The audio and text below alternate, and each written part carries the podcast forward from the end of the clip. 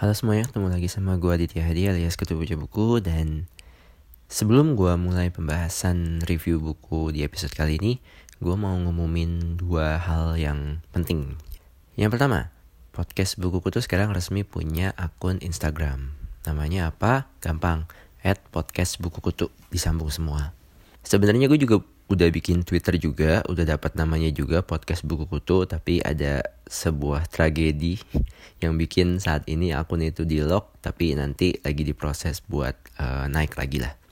Yang kedua, podcast buku kutu sekarang ada kerjasama kerjasama lah ya kita bilang ya dengan sebuah toko buku online di tanah air yang namanya buku.id, kaknya dua, jadi bukku.id.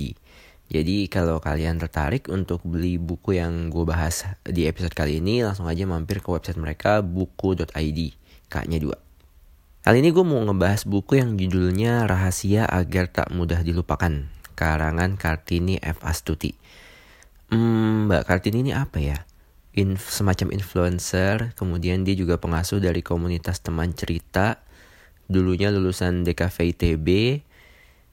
Bukunya tuh menarik banget karena uh, covernya tuh warna biru biru min gitu. Terus bersih.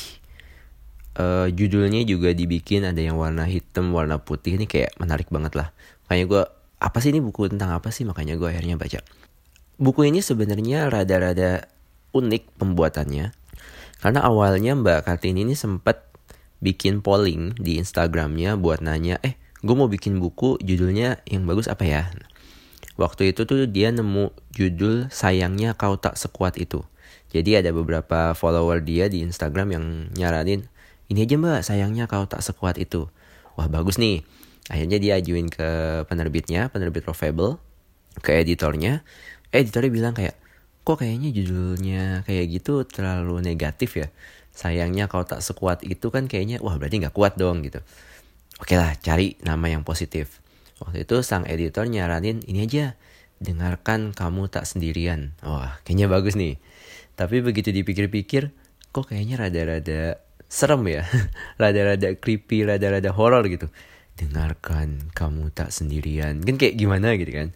Akhirnya Mbak Kartini ini memutuskan untuk menggunakan nama lain, yaitu menggunakan judul lain, Rahasia Agar Tak Mudah Dilupakan. Yang itu dipakai buat judul buku yang sekarang ada di tangan gue. Buku ini sebenarnya apa sih dia fiksi, non fiksi atau apa? Nah kalau secara genre ini Mbak Kartini juga bilangnya ini tuh self improvement.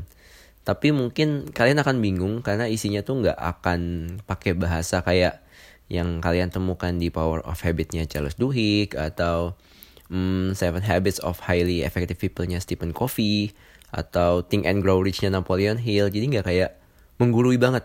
Tapi ini kayak Mbak Kartini memadukan unsur self improvement kayak nyaranin kita bagaimana cara terbaik dalam hidup tapi dengan fiksi.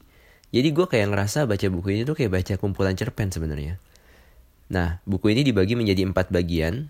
Jadi ada pertama tuh rahasia cinta, kedua rahasia bercerita, ketiga rahasia dipercaya, dan terakhir rahasia berpengaruh. Dari awal sampai akhir itu pembahasannya alias latar belakangnya itu kayak kisah SMA, kuliah, uh, ada sedikit tentang reuni dan latar belakangnya itu seputaran kayak tinggal di kos-kosan, terus perantauan. Di satu titik nih gue ngerasa kayak Mbak Kartini lagi cerita pengalamannya sendiri sih.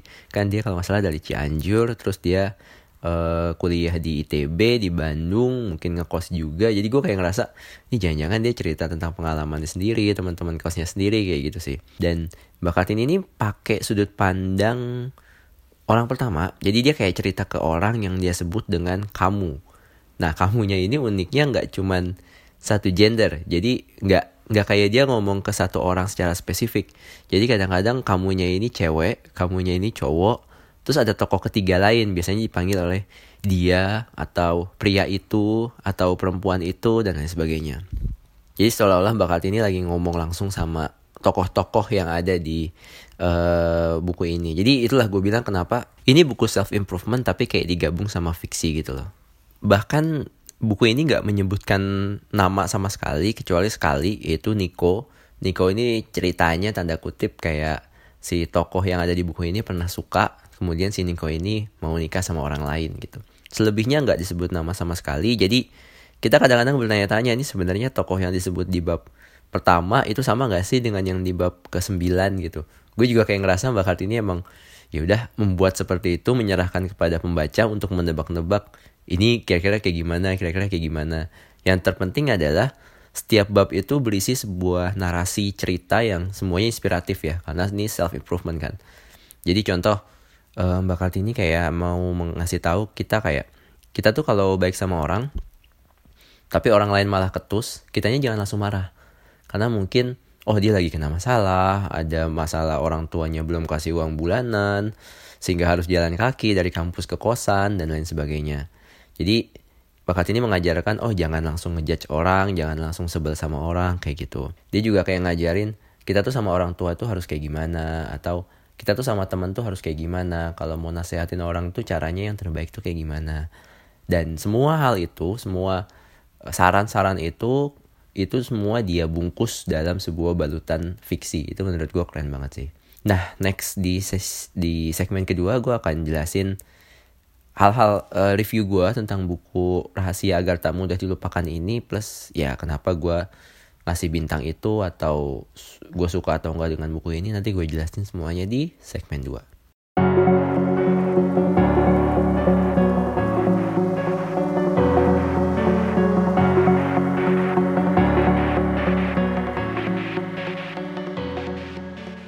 Untuk buku ini gue berani ngasih bintang rada-rada antara 4 sampai 5 sih. Mungkin empat setengah lah ya. Kenapa kayak gitu? Karena banyak hal yang gue suka dari buku ini. Pertama, pertama menurut gue buku ini berhasil banget ngebentuk kayak theater of mind gitu. Theater of mindnya di mana di kata rahasianya. Jadi kalau kalian judul, lihat judulnya ya, rahasia agar tak mudah dilupakan. Ini kata rahasia dan kata lupanya itu dibikin uh, warnanya beda. Jadi warnanya putih dan yang judul bagian judul yang lainnya tuh warnanya hitam. Dan Mbak Kartini ini bener-bener pakai kata tanda kutip pakai kata rahasia ini itu banyak banget di dalam cerita di dalam buku ini disebutin. Di gimmick-gimmick marketing juga disebutin gitu. Jadi kayak eh buku ini isinya rahasia loh. Jadi jangan kasih tahu siapa-siapa ya. Gitu. Jadi kayak kayak bener-bener buku ini tuh seolah-olah bener-bener rahasia gitu. Walaupun kita tahu kan ini bukan gitu. Itu sih menurut gue pinternya Mbak Kartini. Dan uh, ketika baca tuh gue kayak dapat theater of mindnya tuh kayak gue lagi bayangin Mbak Kartini ini lagi sama atau penulisnya ini lagi sama orang lain. Lagi camping di gunung mana terus mereka cuma berdua doang nggak ada orang lain. Jadi bener-bener kayak private banget rahasia banget. Dan di situ dia cerita semua isi di buku ini tuh. Gue gue gue kayak ketika gue baca tuh gue ngebayangin kayak gitu. Dan di beberapa bab itu kan dia ngomongin soal orang tua ya. Dan gue sendiri pribadi ngerasa relate banget karena gue udah gak ada nyokap bokap gitu kan. Jadi hampir sih gue kayak berasa nangis di satu titik teman ya ya itu sih menurut gue oke okay sih si Mbak Kartini ngebentuk theater of mind di di buku ini yang kedua kenapa gue suka buku ini karena bahasanya indah kayak ada yang kayak dia ngomong kayak ih ada banyak memar di sebelah sini, ya tepatnya di hatimu. Kamu ingat persis dengan kenangan di atas memar itu kan? Ya kayak kata-kata indah kayak gitu sih yang dia pakai. Terus kayak bercerita bukan berarti lemah, tetapi memberi kesempatan pada orang lain untuk menguatkan kita. Tuh, terus kayak sindiran-sindiran kayak kan kita tuh suka nyinyir ya sama orang lain terutama di sosial media.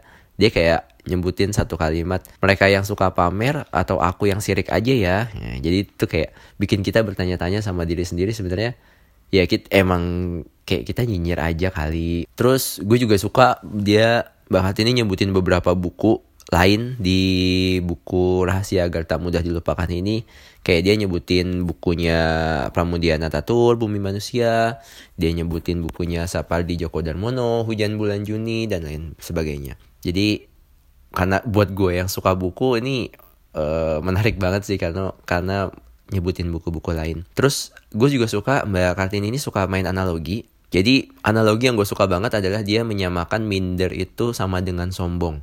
Gue awalnya bingung, dari mana ya minder itu sama dengan sombong? Jadi menurut Mbak Kartini itu sombong itu adalah kita tuh menganggap porsi kita segini.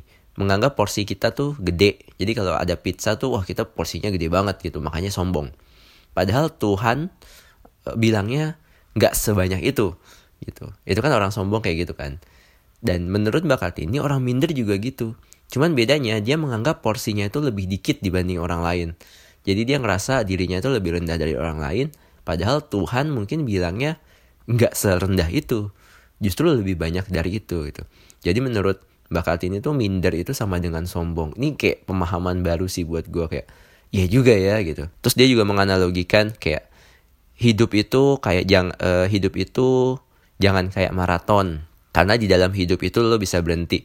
Ini menurut gue rada nggak pas sih. Jadi menurut gue harusnya sprint sih karena sprint itu kan lo lari mulu nggak berhenti berhenti tapi kalau yang gue tahu ya maraton itu kan ada panjang waktunya lo bisa istirahat lo bisa apa. Jadi mungkin menurut gue mbak Kartini kurang tepat sih menyamakan hidup sama maraton. Mungkin tepatnya hidup tuh jangan kayak sprint yang lari mulu. Tapi jadikanlah kayak maraton yang lu bisa Eh, nggak uh, berhenti sih tapi lu bisa pelan dikit terus cepat lagi pelan dikit cepat lagi kayak gitu paling yang gue nggak suka itu apa ya jujur kualitas kertas sih gue kayak nggak nggak kualitas kertasnya beda sama buku-buku yang biasa gue baca jadi kayak rada-rada kurang ini tapi di sini tuh banyak ilustrasi-ilustrasi gitu ya. Gue pikir oh ini jangan-jangan ada desainernya yang bikin atau apa. Tapi ketika gue lihat di depan bukunya di bagian ilustrator isi itu sama Kartini F Astuti. Jadi emang Mbak Kartini sendiri yang bikin ilustrasi-ilustrasinya di dalam buku ini gitu. Jadi oke okay banget lah Mbak Kartini. Itu tadi review gue soal buku Rahasia Agar Tak Mudah Dilupakan. Menurut gue buku ini layak banget buat kalian baca. Kalau kalian mau kalau kalian tertarik untuk beli buku ini, langsung aja buka website buku.id. Belanja buku jadi mudah. Yeah. Ingat ya, ke buku.id, b u k k u.id, bisa juga buka websitenya, Instagramnya, dan lain sebagainya. Seperti biasa buat kalian yang mau komentar atau ngasih masukan, di bahas buku ini dong, gini-gini gitu. Langsung aja kontak gue di IG baru ya. Sekarang gue bisa bisa nyebutin IG barunya, yaitu di @podcastbukutu P O D C A S T buku kutu digabung semua atau buat masih boleh juga ke akun pribadi gue di FB IG at Aditya Hadi atau Twitter at ADHET underscore YA. I think that's all for now. Thank you for listening me in this episode. See you and ciao.